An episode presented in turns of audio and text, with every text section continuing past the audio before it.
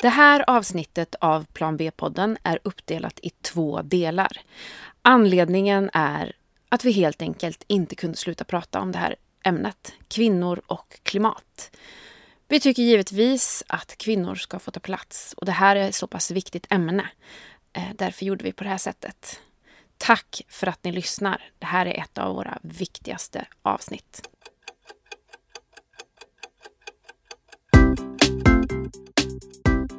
Nu tillskriver jag influencers en jädra massa makt, men det har de också.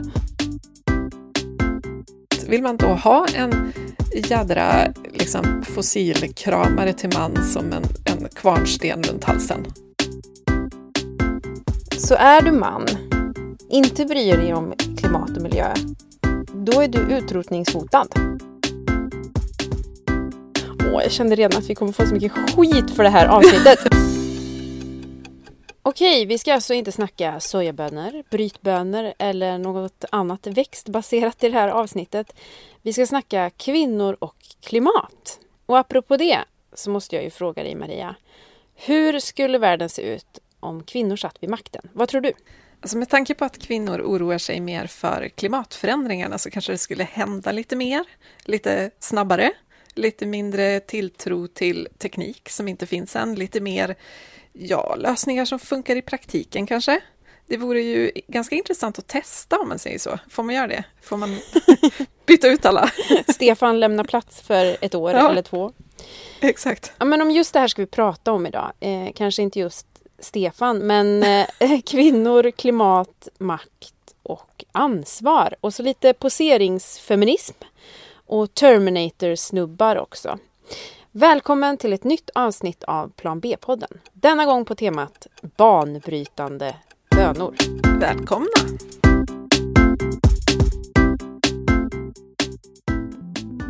The first moment that I realized that we all had to work on climate change was when my daughters, who are now in their early 30s, were very young, and I discovered all of a sudden that species were disappearing around the world, and that I was about to give a planet to my daughters that was severely diminished. The most vulnerable are hit first and worst by climate change, and that means women and girls, particularly living in conditions of poverty. I have to say, I'm, I'm so uh, incredibly moved and inspired by Indigenous grandmothers around the world who are protecting water and land from corporations and governments. In our rural communities, women are in charge of activities around homes, which include cooking, cleaning, wood gathering, making handicraft to sell to put food on the table, among others. There's a huge body of research that confirms that women are disproportionately affected by the impacts of climate change, and that's connected to the range of social and economic disadvantage that women experience in many aspects of their lives. For example, women are more likely than men to live in poverty, they're more likely to rely on agriculture and the land as a source of livelihood. Ni fick just lyssna på en rad kvinnor, bland annat eh, Christiana Figueres, Dr. Catherine Wilkinson, Hilda Hein och Tessa Kahn som ringar in just varför vi behöver prata om det här ämnet, kvinnor och klimat. Klimatet är ju vår tids största rättvisefråga. För de som drabbas först och värst, alltså kvinnor, är de som är mest oskyldiga i den här smutsiga, skitiga härvan. Vi behöver ju sänka utsläppen drastiskt för att klimatkrisen inte ska gå bananas. Och kikar man på statistiken så släpper män ut mer än kvinnor. Och nu kanske jag ska säga i genomsnitt. För det här gäller ju såklart inte alla män och inte alla kvinnor heller för den delen. Världens män står i genomsnitt för högre andel utsläpp än kvinnorna på grund av sin livsstil, eh, genom transporter och kostval och detta enligt eh, Naturskyddsföreningen. Det finns ju en väldigt tydlig koppling mellan hög inkomst och stora utsläpp också. De tio rikaste procenten i världen står för hälften av alla utsläpp och den fattigaste hälften bara för en tiondel av utsläppen.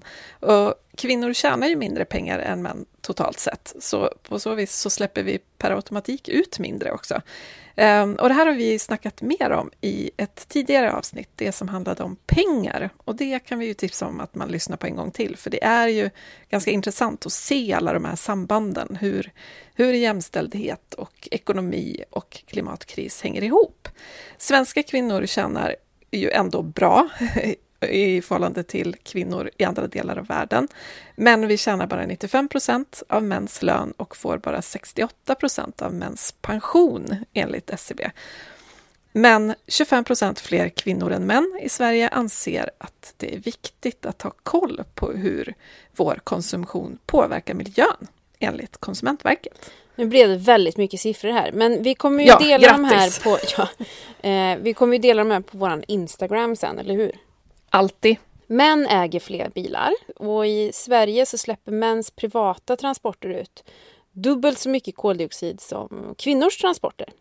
En rapport från Vinnova visar att om män reste som kvinnor så skulle vi minska energianvändning och utsläpp från persontransporter då, med nästan 20 procent. Och hör här, Dessutom, och nu får ni hålla i er, så skulle vi redan nått den nivå av minskat bilresande som krävs för att uppfylla klimatmålen till 2050. Alltså att användning av bil som färdmedel redan skulle vara i nivå med vad som anses vara hållbart för 2050. Som alla Vadå, vi skulle män... redan vara framme? Typ. Vi skulle redan kunna bocka av den grejen, bara män började resa som kvinnor. Och hur reser vi? Typ cyklar och tar bussen och sådär. Det är inte så att vi åker i en snyggare bil bara, utan Nej, vi, precis. vi väljer smartare transportmetodel, eller hur? Vi går, cyklar och åker kollektivt i högre grad än män. Eh, så om alla män bara tittar på hur kvinnor gör så är vi en bra bit på vägen. Åh, jag kände redan att vi kommer få så mycket skit för det här avsnittet. Men vad... Alltså, du menar bensinupproret eller?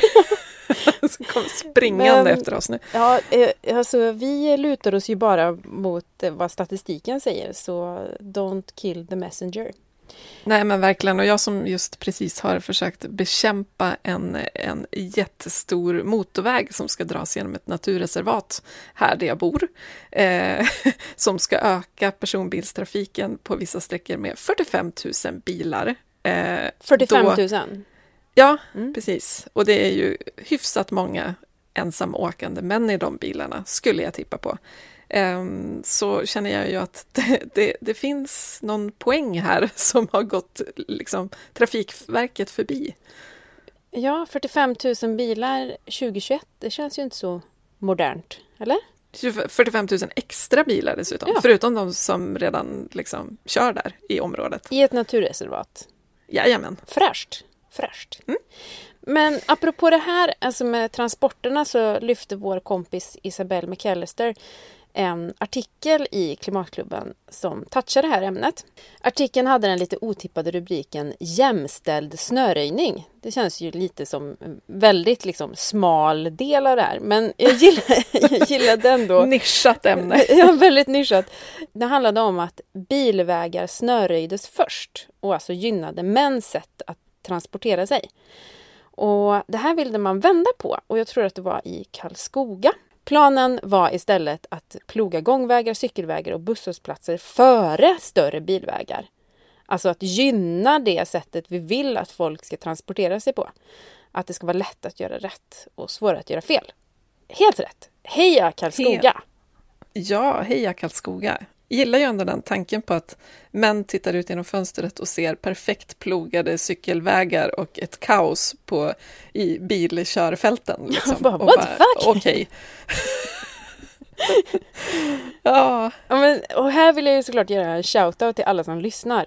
Hur ser det ut i din kommun och vilket transportsätt premieras? Eller vilket eh, köns eh, transport, transportsätt premiera. Kan man lägga in redan nu en ansökan om att de aldrig ska ploga tvärförbindelse Södertörn om den blir av genom naturreservatet?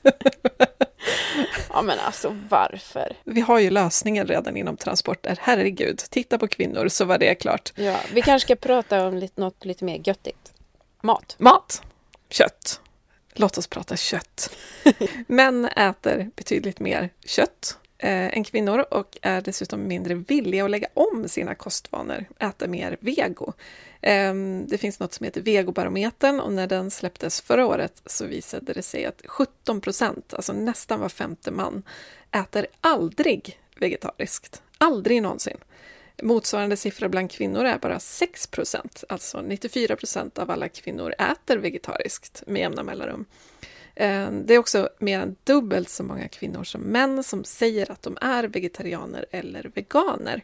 Och surprise, surprise, unga kvinnor är de som ställer om sin kost mest och snabbast just nu. Det är liksom de som har fattat budskapet och är villiga att göra det som krävs. Men Maria, man blir ju inte mätt av vegetariskt. Man har så stor kropp så att man måste ju få i sig kött. Ja, det går inte att bygga muskler med, med... Nej, precis. Det är ju synd. Det går inte att grilla grönsaker heller, det är så jobbigt. Eh, Henrik Schyffert gjorde ju ett eh, program på SVT för några år sedan som handlade om att han skulle försöka bli vegan. Va? Ja, eller vegetarian. Vegetarian. Han skulle, eller rättare sagt, han skulle sluta äta kött. Ja, Det var ju det som det gick ut på. programmet? Eh, programmet hette Köttets lustar i alla Just fall. Eh, googlade jag fram lite snabbt här. Han hade grisar boende i sin innerstadslägenhet ett tag. Eh, för att liksom få en relation till djuren bakom köttet så att det skulle bli lite svårare att äta upp dem. Ja, I det här programmet så intervjuas ett manligt muskelberg som är vegan. Och det finns ett eh, så träffsäkert citat från honom som gick eh, någonting i stil med eh, så här, ska vi se om jag kan återge det. Eh, några av världens starkaste djur är växtätare. Gorillor, bufflar, elefanter och så jag. Det säger ganska mycket, eller hur? exakt. Eh, det finns fler män som är klimatförnekare och fler kvinnor som bland de som oroar sig mest eh, för klimatförändringarna. Och det här ställer ju till det, inte minst för att eh, fler män än kvinnor just sitter på positioner som ger dem makt att förändra. Eh, några exempel är ju eh, Bolsonaro i Brasilien och Morrison i Australien och tidigare Trump i USA. Tre manliga politiker som inte riktigt tar klimatfrågan på det allvar kanske som vi hade hoppats på med tanke på den otroliga makt de har eller hade att eh, förändra saker. Och tvärtom. Eh, Skottland, som har Nicola Sturgeon i spetsen, var ju den första nationen som utlyste klimatnödläge. Eh, Nya Zeelands premiärminister Jacinda Ardern har ju också liksom verkligen utmärkt sig som en kvinnlig ledare som tar tydlig ställning i klimatfrågan. Eh, Nya Zeeland har också utlyst klimatnödlä- klimatnödläge. Eh, och när Ursula von der Leyen tillträdde som EU-kommissionens ordförande så presenterade hon nästan på en gång en Green Deal för EU som är en pretty big deal, skulle jag vilja säga, eh, för hur EU kan ställa om. Jag tänkte dra en liten lätt para parallell till krisen vi befinner oss i nu, eh, coronakrisen. Nu är vi ju såklart långt ifrån att vara ut, ute ur den här krisen. Eh, så det här kommer nog pratas mer om de kommande åren. Men det kom en rapport i slutet av sommaren som just kopplade eh, kvinnliga ledare till hur man agerar i en krissituation. Rapporten hette Att leda kampen mot pandemin betyder kön verkligen något. Länder med kvinnliga ledare har klarat coronakrisen bättre än de som leds av män. Hittills, ska jag säga. Eh, vi är ju som sagt inte ur denna pandemi. Eh, det har visat sig att kvinnliga ledare har reagerat snabbare och mer beslutsamt och också satt människoliven i, i första rummet. Eh, Medan eh, i länder som leds av män så har ekonomin varit eh, det som har stått eh, kanske högre i rang. Eh, Alltså att kvinnliga, kvinnliga ledare tar, vill inte ta risker när det gäller liv, men är villiga att ta risker när det gäller liksom, pengar. Är det så man kan sammanfatta det? Eller? Exakt. Ah. Ja. Det känns ju ungefär som att vi skulle vilja ha det tankesättet i klimatkrisen också, eller?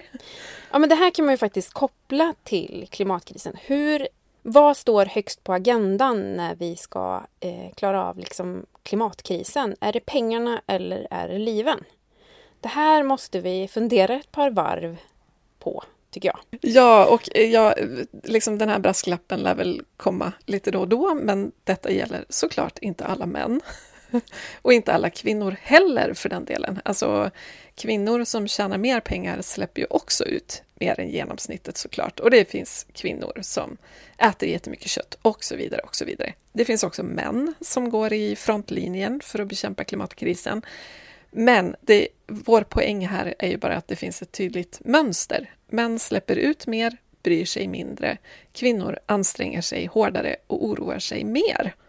Och dessutom då, det är kanske viktigast av allt, vem är det som drabbas av det här? Den som drabbas först och värst av klimatförändringarna är människor i fattiga länder, a.k.a. inte du och jag Maria. Men de som drabbas först och värst i fattiga länder är framförallt kvinnor, unga mödrar. Just nu så lever ungefär 1,3 miljarder människor i fattigdom. Eh, och av dem är hela 70 procent kvinnor. Så det är liksom ingen överdrift att säga att kvinnor är de som, som drabbas hårdast i de allra flesta lägen, eh, oavsett vilken typ av kris det är.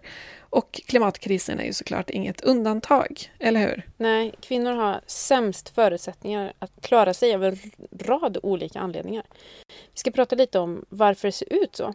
Ja, men klimatförändringarna kommer ju till exempel då göra världen både torrare och blötare. Eh, vissa platser kommer, som är torra idag kommer att bli ännu torrare. Vissa blöta platser kommer att bli ännu blötare och till exempel drabbas av översvämningar och skyfall och sådär. Och vissa platser kommer ju då att bli helt obeboeliga förr eller senare. Och grejen med kvinnor i det här fallet då är att kvinnor har minst ekonomiska medel att ta till. Så när den platsen som fattiga kvinnor bor på blir väldigt svår att leva på för att det är svårt att odla mat eller för att huset sköljs bort i en översvämning och så vidare. Skördarna slår fel. Då har kvinnor liksom inte så stora möjligheter att flytta på sig. De har inte råd. Jag såg något klipp för några år sedan eh, där de intervjuade människor som bodde på en ö eh, i ett land som jag inte minns nu vilket det var. Men eh, en ö som eh, hotades att slukas av havet när havsnivån höjs. Och desperationen i deras ögon när de också säger att vi har inga pengar att flytta härifrån. Alltså den paniken i att så här, vi vet att våran ö kommer att försvinna när havsnivån ökar eller höjs. Men vi har inte, vi har inte råd att överleva. Alltså det är så jävla nattsvart. Jag såg en film, eh, det var inte en fullängdsfilm utan det var någon dokumentärfilm som var ganska kort, som handlade om ett örike som jag borde ha googlat upp i förväg, men det har jag inte gjort. Titta på Instagram. eh, ett litet örike som kommer att slukas av havet. Det är liksom inget snack om saken. Det, så kommer det bli. Eh, och presidenten i det här, den här lilla önationen reser runt på alla sådana här stora klimatmöten och bara säger lyssna, lyssna, lyssna, ni måste agera för hans lilla land kan ju inte påverka klimatförändringarna. De är liksom för små. De har varken utsläpp eller möjlighet att, att plocka bort några utsläpp. Liksom. Det gör varken till eller från vad de gör, för de är så få. Eh, så hans lilla örike kommer att sjunka i havet, eller rättare sagt, eh, havet kommer att stiga över öarna. Eh, och han försöker nu desperat komma på vart de ska ta vägen. Så att han tittar bland annat på att, det här var några år sedan så det kanske har hänt redan, men då höll han på att titta på att helt enkelt köpa mark, alltså ta statens pengar, köpa mark på, i ett annat land och flytta sin nation dit. Eh, vilket är helt... Alltså, föreställ dig att det är dags att köpa ett Sverige-size-område i typ Kanada och flytta dit. Nej, inte Kanada, för där går klimatförändringarna dubbelt så fort som på alla andra ställen. Vi tar något, något lite bättre. Men bara tänk dig tanken att här, få höra att statens plan är att köpa ett, ett område stort som Sverige någon annanstans och dit ska vi alla flytta för att vi måste, för sen kommer havet. Meanwhile in Sweden. Ja. Staten pumpar in 5 miljarder till SAS. alltså. Vi måste prata mer om hur vi kommer se oss själva i framtiden, eller se på oss själva i framtiden. Särskilt vi i Sverige, för vi kommer inte drabbas först och värst. Nej, men vi kommer driva nej, på liksom, den här utvecklingen åt fel håll om vi inte skärper oss. Och sen bara den lilla detaljen att vi är väldigt glest befolkade här. Eh, vi, vi har ett land som är hyfsat liksom, väl eh, så här, rustat för klimatförändringar. Alltså vi har pengar och vi har utbildning och vi har resurser. Så var kommer andra länders människor att ta vägen? Jo, säkert ganska många hit. Garanterat. Det får vi vara beredda på. Och då måste vi ju också se till att ta emot dem, för vad är alternativet om deras land sjunker i havet? Liksom? Mm. Ja.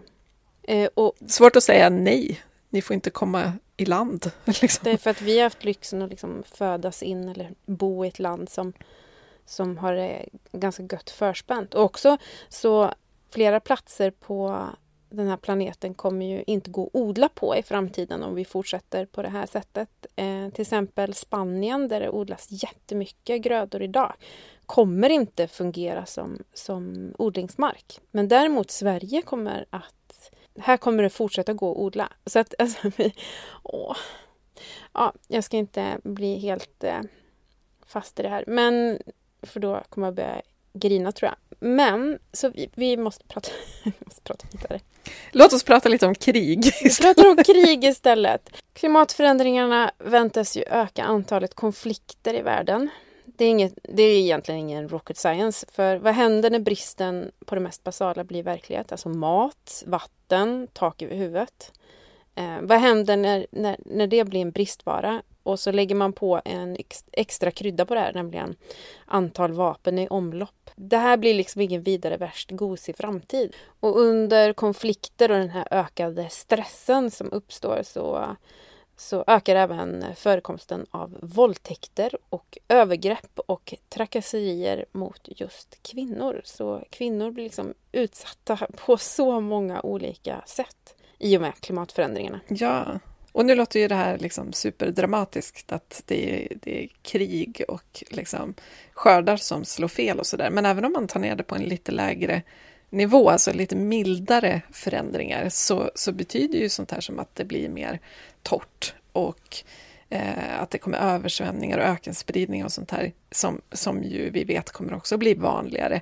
Det gör ju att kvinnors alla sysslor i vardagen, eh, i vardagen kommer att bli mer tidskrävande. Alltså att det blir svårare att odla, att man måste gå längre för att hämta vatten och så vidare.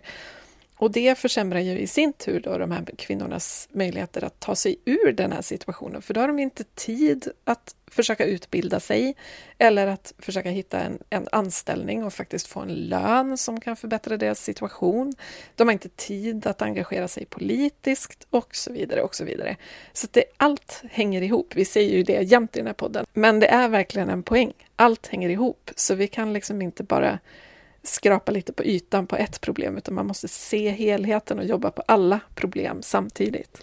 Dessutom, den, den kvinna som måste gå kilometer för att eh, få tag i dricksvatten har ju inte värst vidare mycket tid att engagera sig för att pressa på politiker och företag och beslutsfattare.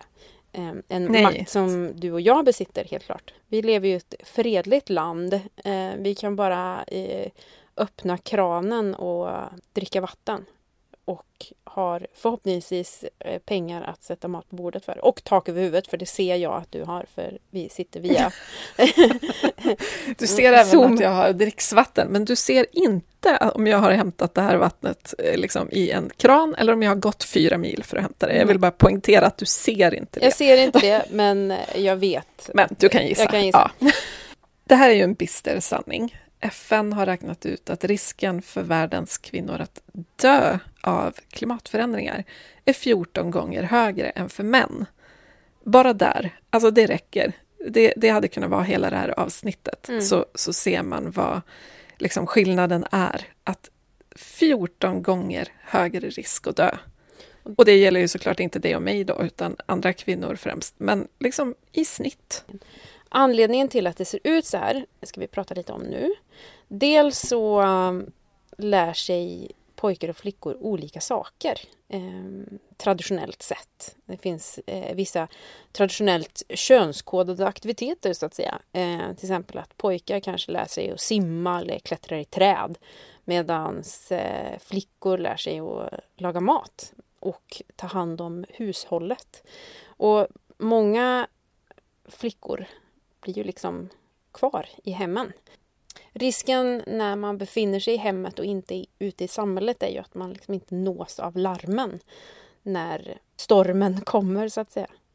Ja men verkligen. Och sen är det också eh, just det här att ja, men flickorna blir liksom kvar i hemmen. De eh, utbildar sig inte.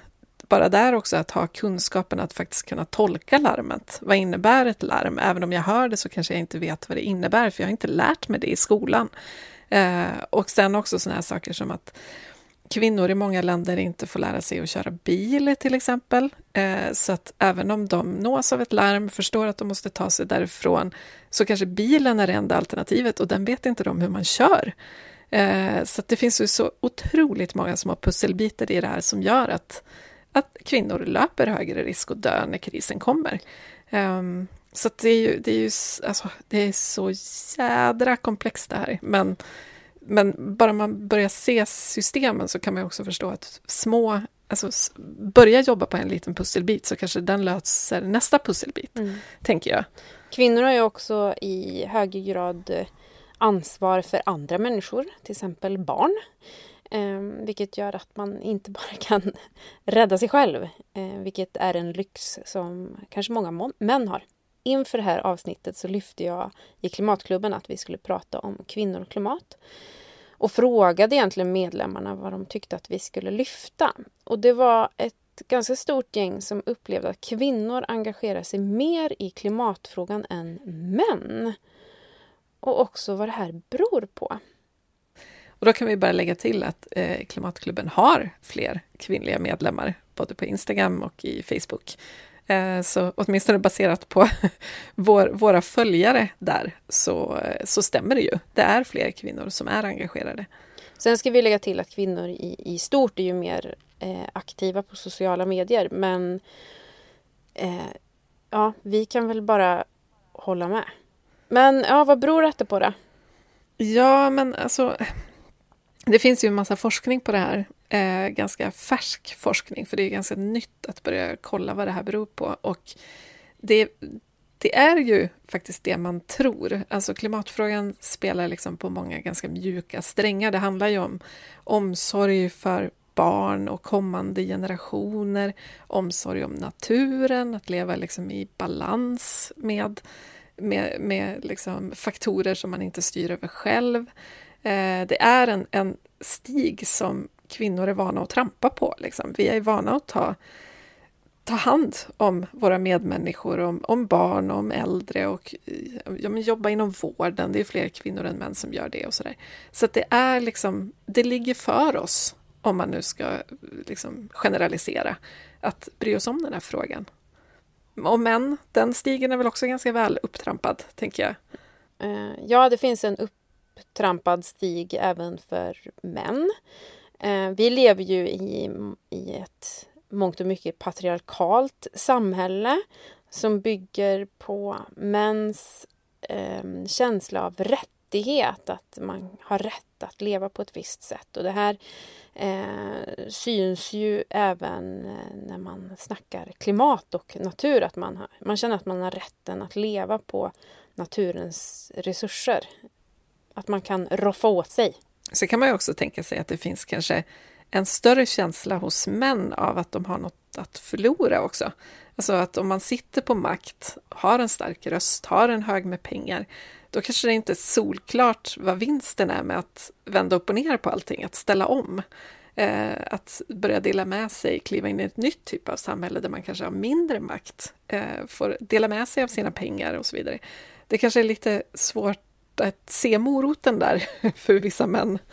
Ja, men det kanske är skrämmande när man pratar om omställning, när man tycker att livet är gött och att man har man lever ett gött liv liksom. Det, det rullar på. Eh, och det är såklart kvinnor också ja, som känner ja, så. Ja, men absolut. Eh. Jag tror att det är också så här, vi pratar ju för lite. Det är ju därför, att vi, det är därför vi startade den här podden från första början, för vi tycker att det pratas för mycket om vad vi måste ge upp på eh, problemen, vilket vi såklart också tar upp. Men vi vill ju också prata om lösningarna och vi kommer till det snart. Men eh, alltså göda liksom reklamslingan för framtiden, det hållbara livet, vill ju vi prata om. Och... Så att män, och även män, ser liksom vinningarna med det. För det, det, finns ju väldigt mycket att vinna även för män i en mer jämställd värld med ja, men, ett fungerande klimat. eh, och att det faktiskt finns färre orättvisor, mindre samhällsproblem och sådär. Det gynnar ju alla, det är ju inte bara kvinnor som gynnas av det. Men du, jag, jag funderar lite på Eh, jag har ju ringt upp en man. jag, jag, tog en ran, ja, jag tog en random man. Jag, jag, tog telefonkatalogen och så slog jag upp sidan 83. Nej, jag, jag, valde ut en man som jag tänker har smarta saker att säga om det här och det är en forskare som heter Martin Hultman. Han är, och nu kommer det en lång titel, eh, men den är relevant så jag tänker säga den. Han är docent i vetenskaps-, teknik och miljöstudier vid institutionen för teknikens ekonomi och organisation på Chalmers. Och han leder också forskningsprojekt om klimatförnekelse till exempel, om socialt och ekologiskt entreprenörskap inom cirkulär ekonomi och framförallt då genus. Det här är ju spännande. Och han, han leder också ett globalt forskarnätverk detta är ju coolt, tycker jag, eh, som heter Center for Studies of Climate Change Denial, till exempel. Så han är, han är the shit inom män och klimat. Eh, så jag ringde upp honom och pratade om män. Ska vi lyssna vad han har att säga? Ja, tack. Hej Martin, du har ju forskat på den här kopplingen mellan män och klimat. Kan inte du sammanfatta det viktigaste du har kommit fram till? De senaste tio åren så har jag forskat kring eh, genus och klimat, eh, med framförallt inriktning på maskuliniteter. Då. Ekofeministisk forskning under 20-30 år har sett att om man just delar upp män och kvinnor så är eh, kvinnor mycket mer engagerade i klimat och miljöfrågor. De eh, är mycket mer villiga till förändring. De eh, är mycket högre andel medlemmar i miljöorganisationer och liknande. Vilket ju ni också har sett på Klimatklubben och, och när ni pratar om de här frågorna, tänker jag, när ni har varit ute och sådär, eller hur? Absolut, så är det ju. Det är inte så enkelt då som att man bara kan prata om de här binära kategorierna, liksom män och kvinnor som två helt olika, utan det min forskning har fokuserat är då på olika maskulinitetsnormer och eh, värderingar och praktiker. Och, eh, genom empirisk forskning, då både historisk och eh, sociologisk, eh, så har jag hittat och kommit fram till att man kan prata om tre olika kategorier. Industrimoderna maskuliniteter, och ekomoderna maskuliniteter och ekologiska maskuliniteter. Spännande. Vad, vad skiljer de här tre grupperna åt då? Eh, jo, de industrimoderna maskuliniteterna är väldigt mycket kopplat till vårt industrimoderna samhälle. Eh, alltså den här idén om att vi ska använda naturen bara som en resurs, att vi ska liksom gräva upp en massa sten och plocka ut mineralerna ur det, eller att vi bara ska använda skogen till att liksom odla industriellt och sen så liksom bränna den eller bygga hus eller göra papper utav den. Då.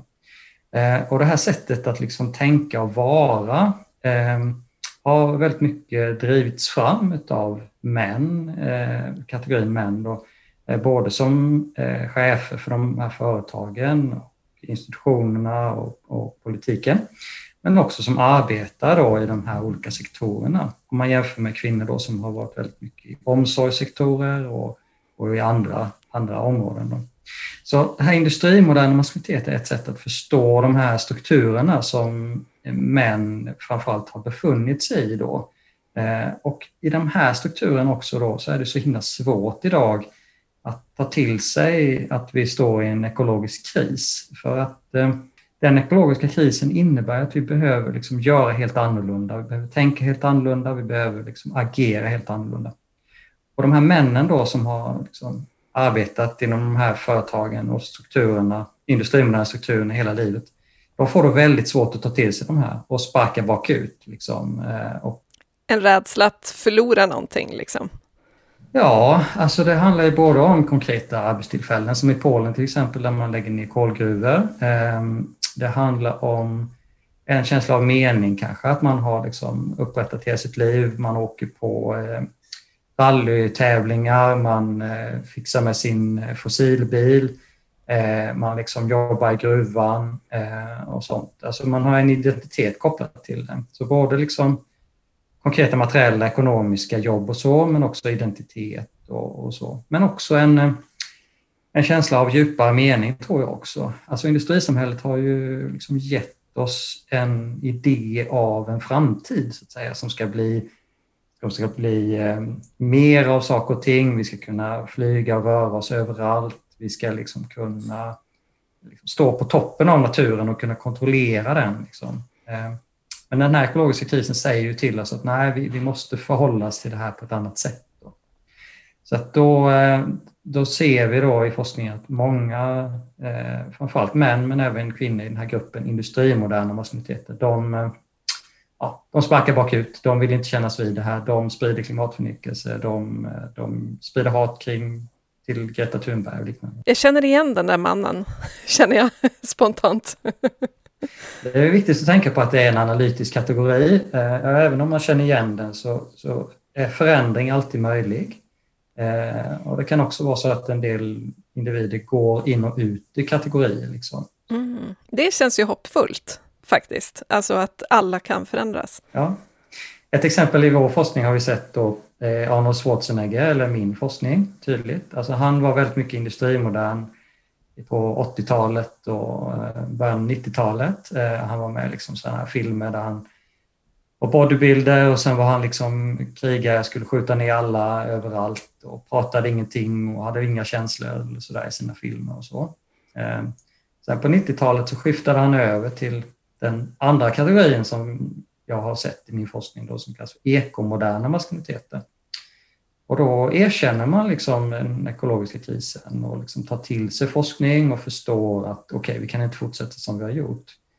Men lösningarna blev då väldigt mycket fokuserade i slutändan av utsläppen eller alltså att man ser problemen, att de bara har en teknisk lösning. Så Arnold då, om vi tar honom igen då, han skiftade till den här ekomoderna maskuliniteten. Och så eh, lanserade han väldigt mycket vätgas och bränsleceller som eh, lösning på utsläpp från bilar då, att det inte skulle komma några utsläpp utan det var bara vatten som var, kom i bilarna då. Eh, och då blev det liksom en teknisk lösning som var väldigt begränsad till utsläppen istället för att göra en systemlösning kring hur vi rör oss och hur vi transporterar oss då, alltså ett eh, förändring av transportsystemet istället. Då. Och den där typen av lösningar, ekomoderna lösningar och ekomoderna maskuliniteter, det tenderar då till liksom att Eh, konservera systemet istället, alltså upprätthålla systemet. Eh, lite kan man se på, på eh, jämställdhetsområdet. Om man bara liksom har en idé om att män och kvinnor ska liksom få lika mycket plats i styrelser och sådär, men man förändrar inte kulturen för företaget eller myndigheten och så. Då sker inte de här systemförändringarna heller. Eh, på Chalmers ser vi det. Vi har haft eh, jämställdhetsprojekt här och försökt locka, så att säga, locka till oss inom situationstecken kvinnor under 30 år. Eh, men det har inte gett några förändringar på, på kulturen så att säga. Det är fortfarande en väldigt sexistisk kultur och, och liksom en arbetsplats som där kvinnor inte blir professorer eller tar liksom plats eh, högre upp i hierarkin på samma sätt som män. Eh, så att det blir liksom en eh, eh lösningar som inte systemförändrar utan som istället liksom, ja, grönmålar eller putsar till liksom ytan. Men inte, ja, det ser, ser bättre ut än det faktiskt är. Ja, det ser mycket bra ut. Men det går ju också att kritiskt granska och förstå som just grönmålning eller som just otillräckligt. Då. Ja, och sen har jag min tredje kategori då som jag har sett i min forskning som jag kallar för ekologiska maskuliniteter och som vi har skrivit en bok tillsammans med Paul Polé till exempel. Där vi då för samman ekofeministisk forskning eh, med eh, maskulinitetsforskning och eh, olika typer av miljöforskning och försöker liksom hitta spår av eller möjligheter till en maskulinitet, ett sätt att vara som, är, som tar hänsyn till det här att vi är del av naturen, att vi är liksom del av våra ekosystem, vi är helt beroende av friskt vatten och, och eh, luft som vi kan andas och så. Att, eh, träden och växterna ger oss syre tillbaka i liksom ett systemtänkande. Då. Och att där handlar det också då om att förstå hur ojämställdhet är en del utav det problemet då. Alltså att om vi ska röra oss mot en ekologisk maskulinitet och, och ett samhälle som tar ekologiska krisen på allvar, så behöver vi också se att det innebär att röra oss mot jämställda samhällen då, eftersom att de samhällen vi befinner oss idag är ojämställda och de är baserade på fossil energi och den här industrimoderna logiken. Då. Eh, sen har jag också studerat Arnold Schwarzenegger kring det här och han är lite fascinerande, även om han fortfarande liksom är en ganska traditionell eh, manlighet. Men han har ju eh, supportat Greta Thunberg väldigt tydligt eh, och den ungdomsledda klimaträttviserörelsen och han har gått ut och vill stämma stater och företag för deras klimatpolitik eh, och det, climate crimes kallar han det till och med. Liksom. Och sen dessutom så har han gått över till att käka mer eh, veganskt och vegetariskt och blivit liksom en eh, tydlig röst i den diskussionen. Men det känns ju ändå som att det är ett, just nu i alla fall, ett ganska stort glapp mellan kvinnorna som oroar sig och gör så gott de kan och köper begagnat och försöker införa eh, vegetariska middagar hos familjen och så vidare. Och männen då som som släpper, fortsätter att släppa ut och kanske inte heller oroar sig så värst mycket. Hur kan vi liksom minska det här glappet? För det känns ju ändå som att för att bli en stark opinion för politisk förändring så behöver vi ju mer än hälften av, av eh, befolkningen. Det kan räcka med en lite mindre liksom, eh, grupp människor som eh, gör större förändringar och så. Men det som har hänt i alla fall de senaste två åren, det är ju att eh, vi ser hur den eh, ungdomsledda klimaträttviserörelsen har haft effekt. Så eh, Arnold till exempel stöttar Greta då, Thunberg och Fridays for Future eh, kommer ju sig inte ur att han en dag vaknade upp och tänkte att oj shit, nu måste jag förändra mig, utan det kommer sig ur att människor har organiserat sig och fört fram kunskap och, och som gjort saker och ting tillsammans. Då.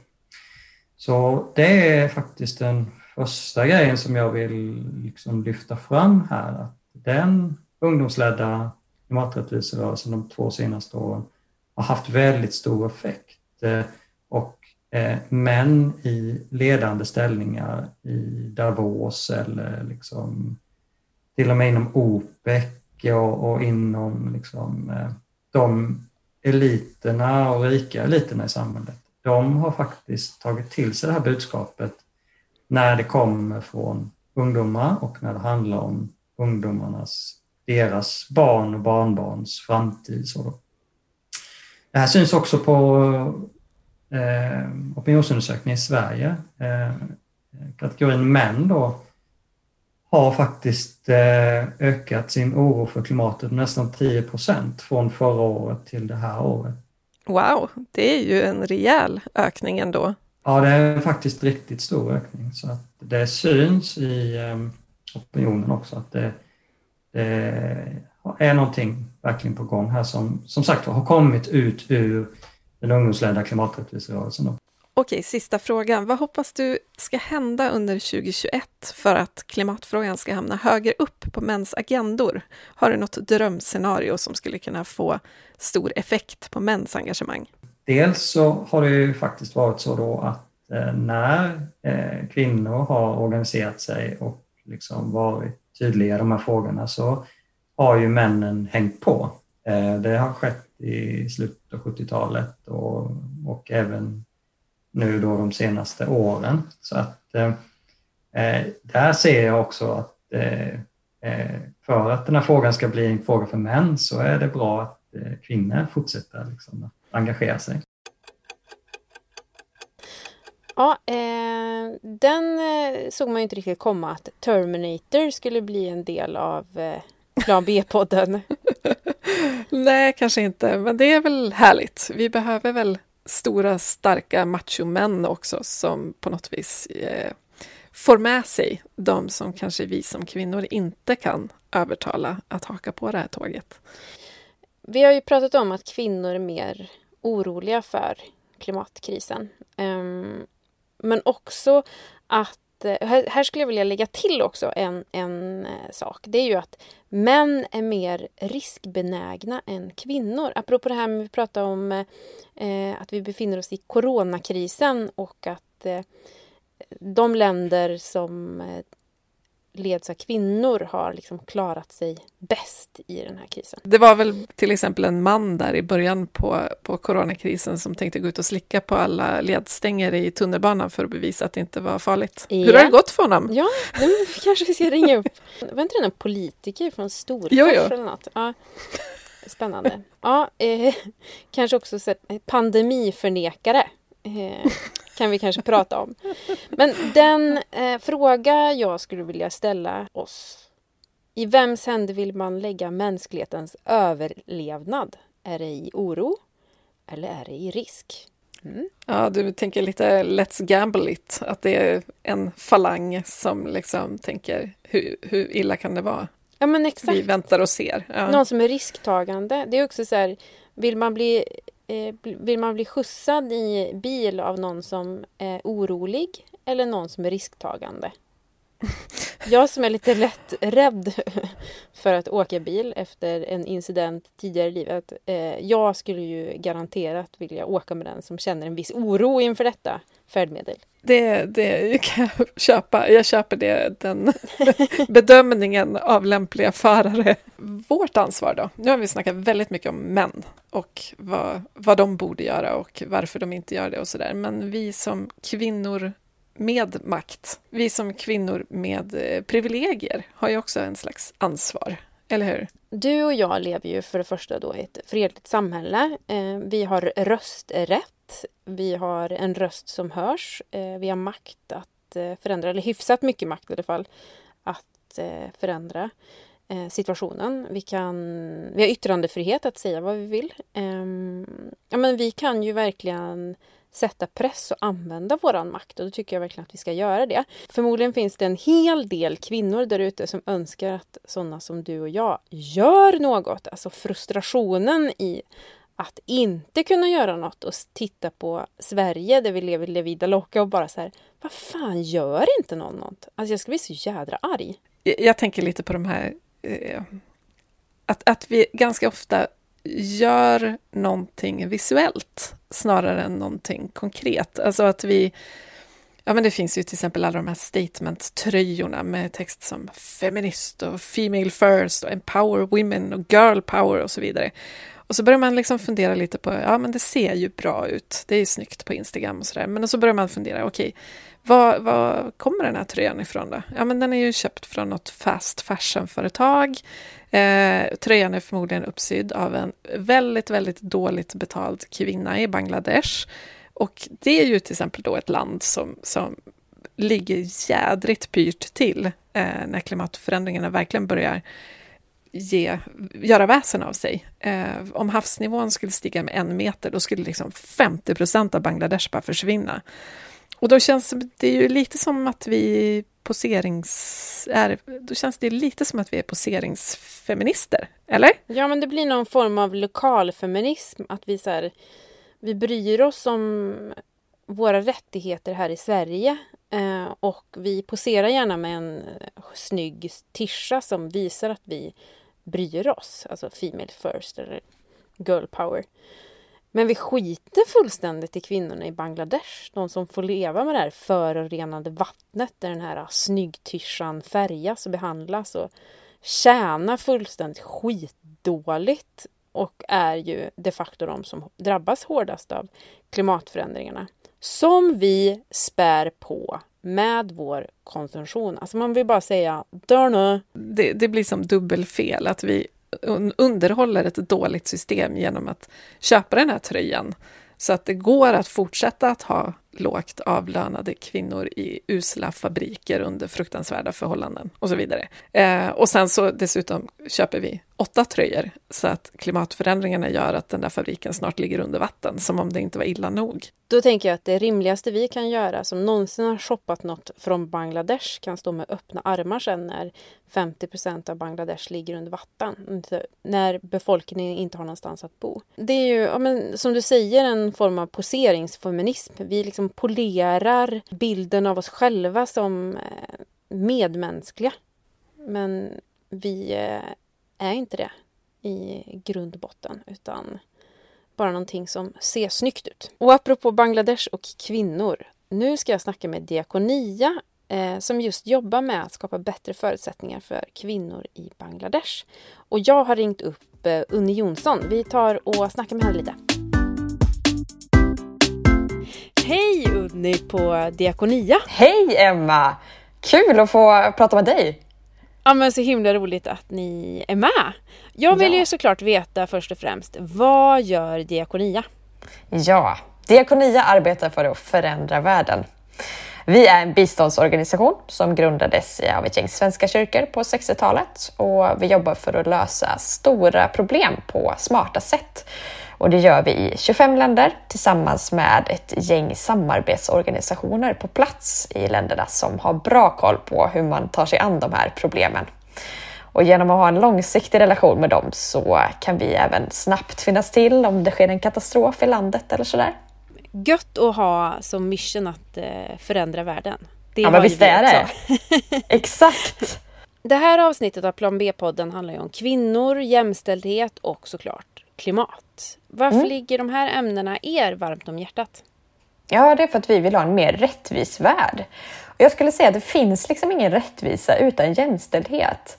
Och just nu är klimatkrisen vår världs största utmaning och vi på Diakonia ser att det är kvinnor som drabbas värst av klimatförändringarna. Och därför är det här ett ämne som vi verkligen brinner för. Just nu så driver ni ett eh, cykelprojekt i Bangladesh. Berätta, vad handlar det om? Mm.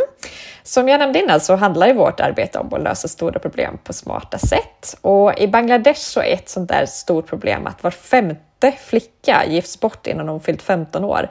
Och det här är ju olagligt i landet så att eh, det är lite sjukt att det ändå händer. Men om tjejerna får fortsätta att gå i skolan så minskar den här risken betydligt. Och därför har vi sett att cykeln är den här smarta lösningen på det stora problemet. För om vi lär tjejerna att cykla så får de också koll på sina mänskliga rättigheter då genom våra kurser om man ska säga. Och eh, när fler tjejer lär sig cykla så kan de ta sig till skolan enklare och billigare och det här har faktiskt gjort att barnäktenskapen har minskat. För de vågar själva säga ifrån eh, och stå upp för varandra om de märker att någon kompis riskerar att bli bortgift. Och det är ju superhäftigt! Jag gillar ju cykeln, det är ju ingen nyhet för den är ju toppen både vad gäller klimat, hälsa, ekonomi och miljö. Men också, får jag höra nu, för andra kvinnor på andra sidan jordklotet. Vad hoppas ni projektet i Bangladesh bidrar till? Ja, men alltså, cykeln är ju helt fantastisk tycker ju vi med och både du och jag vet ju hur gött det är att liksom susa ner för en backe, känna vinden i håret och det hoppas vi att fler tjejer ska få uppleva. Det vill vi verkligen bidra till. Samtidigt så är det ju såklart ett större mål i sig och det är ju att de här tjejerna ska få chansen att få bestämma sin egen framtid och leva det liv som de själva vill ha. Jag kände precis att cykeln blev en symbol för jämställdhet. Absolut, det är den verkligen. Och det har den ju varit i Sverige. Även för hundra år sedan så var det ju många tjejer som inte fick cykla för att man använde konstiga argument som att man kunde få cykelansikte av för mycket vind i ansiktet och det skulle bli alldeles förfulat om man cyklade för mycket. Liksom. Så att i Sverige har ju den här revolutionen redan skett och nu sker den i andra länder och vi kan finnas med och bidra så att fler tjejer får uppleva frihet. Bangladesh är ett av världens fattigaste länder och tyvärr så ligger det också knappt över havsnivån vilket ger eh, landet eh, extremt dåliga förutsättningar när havsnivån höjs i och med klimatförändringarna. Och kvinnor i fattiga länder är de som drabbas först och värst av klimatförändringarna. Vad kan vi göra eh, som helt klart har bättre förutsättningar och bor i ett land som inte är lika utsatt. Vad kan vi göra för att hjälpa andra kvinnor? Det korta svaret är ju stötta Diakonia. För vi finns på plats i de här mest drabbade områdena och det har vi gjort ända sedan vi grundades på 60-talet. Och redan då bestämde vi oss för att vi ska finnas till för de mest utsatta människorna oavsett religion, etnicitet eller kön. Och just när det gäller klimatet så är det oftast de som har bidragit minst till de ökade utsläppen som får de största konsekvenserna och de största smällarna. Och det är den här typen av orättvisor som vi verkligen vill arbeta för att bryta. Hur kan du se att ert cykelprojekt eh, kopplar an till klimatfrågan? Ja, men det ser vi genom att eh, tjejerna får reda på sina mänskliga rättigheter.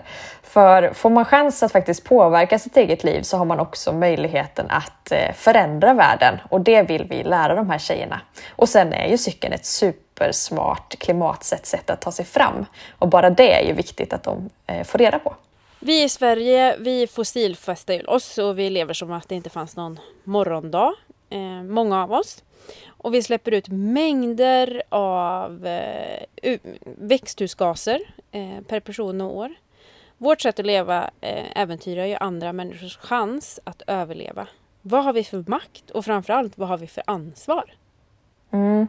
Alltså jag tror att mycket bara ligger i att vi behöver bli medvetna om att våra val och våra beslut påverkar andra människor och får konsekvenser. Och vi behöver hitta gemensamma vägar för att kunna fatta eh, gemensamma beslut och lösa klimatfrågan tillsammans. Och I vårt arbete på Diakonia så ser vi redan nu hur klimatförändringarna påverkar och drabbar människor över hela världen.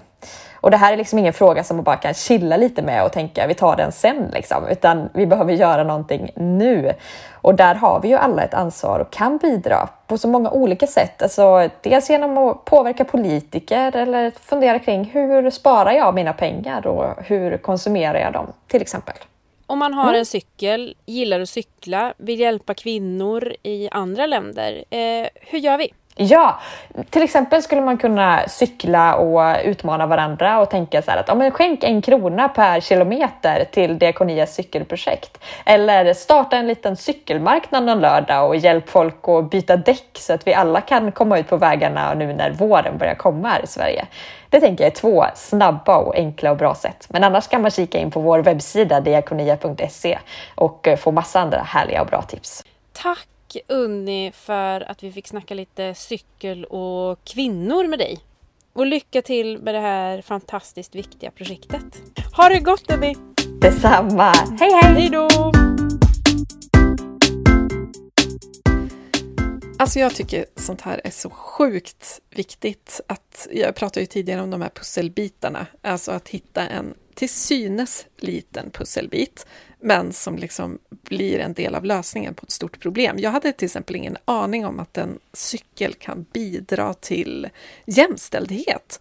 Men alltså, ja, det är ju världens bästa transportmedel, så att jag är ju inte förvånad att det finns ännu fler fördelar med att välja cykeln. Liksom. Och vill en bidra till att fler flickor i Bangladesh ska lära sig cykla, få gå kvar i skolan och på sikt inte bara få ett bättre liv utan också få koll på sina rättigheter och själva kunna pressa på för förändring så har Diakonia en kampanj just nu som heter Trotsa cykelansiktet. Vad är cykelansiktet, Maria? Ja, alltså jag har lärt mig så mycket den här veckan. Det här fick jag också lära mig häromdagen. Eh, min allmänbildning på mm, alla möjliga områden har ökat den här veckan. Så här kommer en historielektion. Genom tiderna har ju kvinnors rörelsefrihet alltid begränsats. Man har liksom inte uppmuntrat att kvinnor ska röra på kroppen, typ.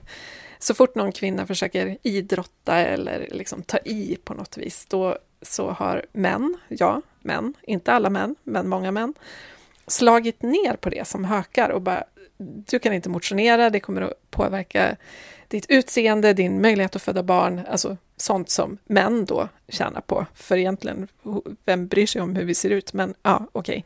Okay. Um, så att låt oss säga att det helt enkelt var ganska bekvämt att hålla kvinnor stilla i hemmet, att de liksom var på sin plats. Så när cykeln började bli populär i slutet på 1800-talet och även kvinnor började visa intresse för att cykla, då hände exakt samma sak igen. Det varnades för att kvinnor kunde drabbas av, japp, kroniskt cykelansikte. Har du drabbats av det här någon gång? förmodligen, jag älskar ju att cykla. Så look, look at my Ja, men- face. Ja, ja, det finns dessutom två varianter av det här cykelfacet. Eh, antingen så får du ett riktigt, riktigt vindpinat och fult face. Det är väl kanske fartvinden och eh, ja, men du vet, vädret på vägen och ansträngningen och sådär. Eh, så att du blir ful av att cykla helt enkelt. Alternativt så ser du alldeles för pepp ut. Det här kanske är mer du, jag vet inte.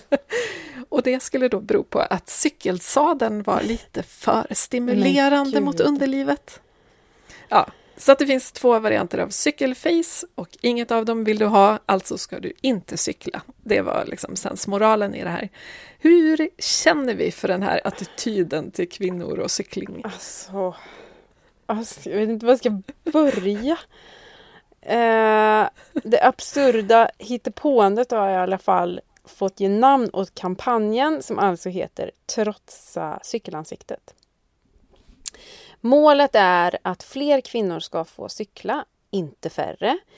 Och den här kampanjen kan man stötta på flera sätt. Bäst och enklast är såklart att gå in på Diakonias hemsida diakonia.se cykelansiktet. Det ordet kommer vi ju aldrig glömma eh, efter det här. Och skänka pengar där via Swish.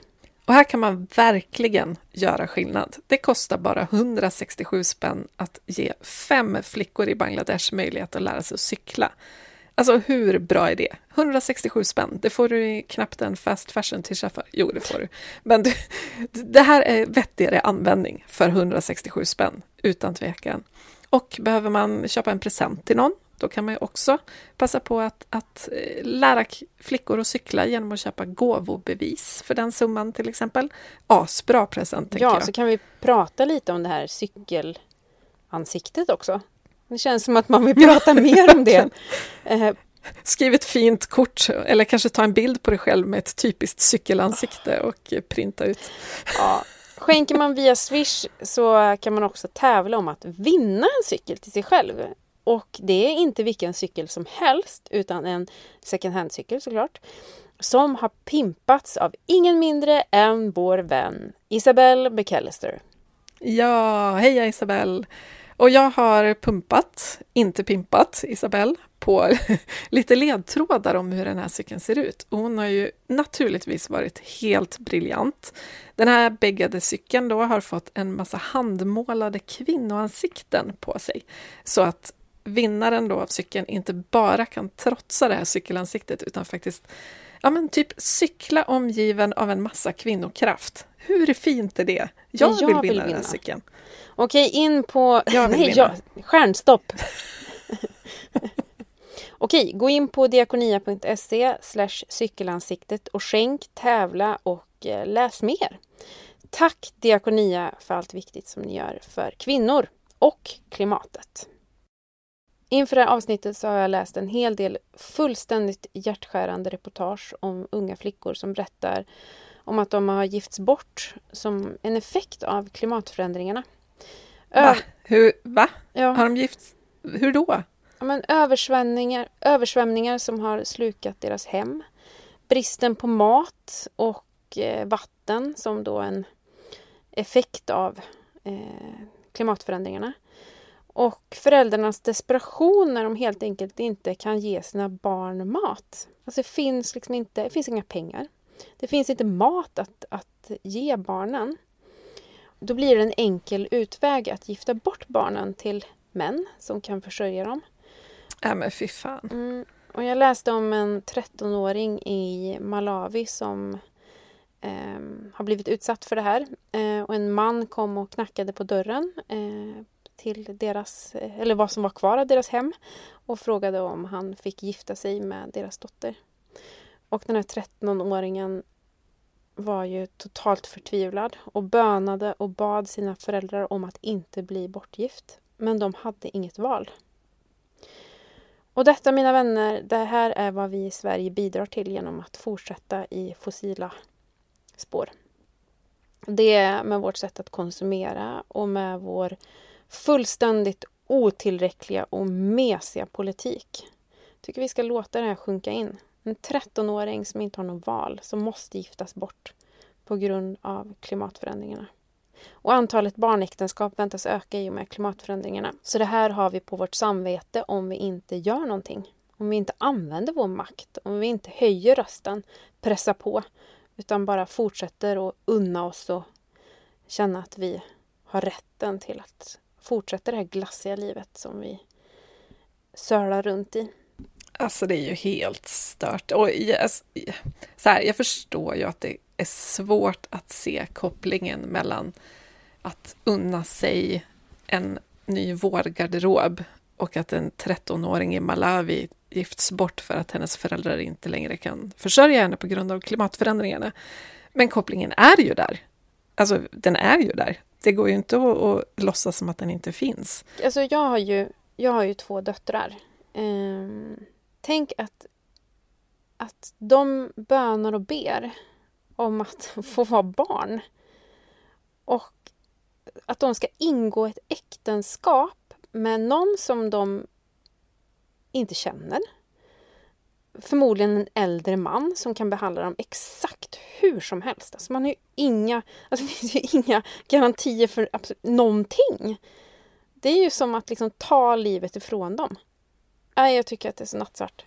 Och be, liksom behandla barn som en ägodel. Ja, en som bara kan bytas, Precis, som bara kan bytas bort liksom, när, när krisen kommer. Och alltså verkligen, det, det låter ju som att man kan inte förstå de här föräldrarna, men alltså, det är ju inte som att de gör det här för att de vill. De har Nej, ju inget val. De har inget val. Det är ju det, är ju det enda som, den enda utväg de ser. Liksom. De vill i uh, första hand rädda livet på sina barn. Det tror jag att alla föräldrar kan skriva under på. Och när man liksom inte har några som helst alternativ. Precis, det blir lite som att här, hoppa mot döden från en brinnande byggnad. Alltså man hade man har bara två riktigt, riktigt dåliga saker att välja på. Det ena verkar snäppet mindre hopplöst, mm. så man väljer det. Liksom. Nej, det är så nattsvart. Fy fan. Men um, vad har vi för, vad har du och jag för ansvar då? Eller vad har vi för ansvar i Sverige? Ja, men det är, alltså, vi måste ju bara se vår roll i det här. Vi är ju ett av de land som konsumerar mest, som köper flest grejer. Vi har ohyggligt mycket grejer och vi köper fler och fler och fler eh, kläder och möbler och allt vad det är. Eh, vi måste ju någonstans inse att det är lite som att jag skrev ett blogginlägg häromdagen om, om just där, vem som betalar priset för konsumtionen. Det måste ju vara vi. Mm. Det kan ju inte vara en 13-åring i Malawi liksom. Ska vi handla något så måste vi betala priset det kostar, inte naturen, inte någon, någon stackars kvinna som sitter på en fabrik och, och liksom tjänar en slavlön, om ens det. Eh, inte en 13-åring som blir bortgift mot sin vilja. Liksom. Utan vi måste ju betala priset. Och har vi inte råd, då ska vi inte handla. Typ så. Jag tycker också att vi ska fundera på vilken sida av historien vi vill stå på. Um, när när liksom historien om klimatkrisen skrivs, om, om den skrivs. Alltså för fan, vi, alltså även om vi även om vi lever i ett land som, som har mycket förspänt, att vi kan vara... Vi kommer leva ett hyfsat gott liv. Så den här rättvisa aspekten, vem som gjorde något. Vem Verkligen. gjorde något? Vem, vem höjde sin röst? Vem gjorde man tillräckligt? Ja, det kommer vi prata med... mycket om tror jag. Och just bara det där att, att 13-åringen i Malawi har ju uppenbarligen ingen röst. Mm. Alltså, annars hade hon kunnat säga nej, jag vill inte gifta mig med den där gubben. Hon har ingen röst. Och alltså har vi också ett ansvar att prata för fler än oss själva. Inte bara prata om saker som tjänar våra syften, utan liksom också vara solidariska och prata för de som ingen röst har, tänker jag. Mm. Och det här gäller såklart inte bara kvinnor, det här gäller män också. Män måste också stå upp för 13-åringen i Malawi. Jag tänker på hur mycket, vi, hur mycket skillnad vi skulle kunna göra om vi, om vi la lika mycket tid på eh, klimatkrisen som att välja rätt soffa eller rätt nyans på väggarna eller eh, vilken tröja som matchas med rätt byxor eller eh, jag vet inte, långkok. växla, växla in lite prokrastinering och slösurf mot, eh, mot vettigare tid. Ja. Som vi lägger på något vettigare. Liksom. Nej men du, nu, nu, måste vi, nu måste vi vända det här. Nu är det dags att prata plan B-livet. Ja. Nu måste vi gräva oss upp ur det här mörka hålet. Vi, vi måste och, gräva oss upp. Jag vill bara säga, det som vi varit inne på är alltså att alla har inte makt och möjlighet att höja sin röst, även om viljan såklart finns. Eh, kanske är man utsatt för systemfel som rasism eller förtryck och behöver bekämpa mer akuta problem än något så abstrakt som klimatkrisen.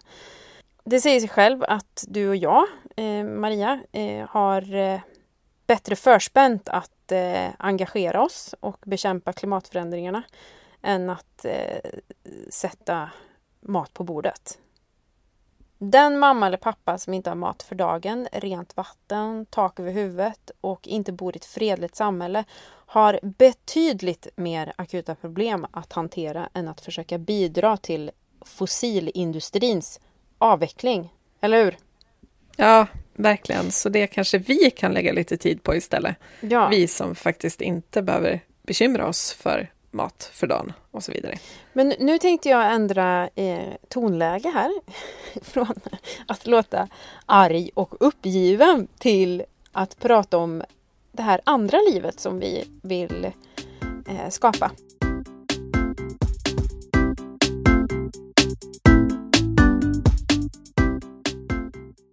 Det här var den första delen i Plan B-poddens avsnitt om kvinnor och klimat. Vill du höra den andra delen så kan du göra det med detsamma.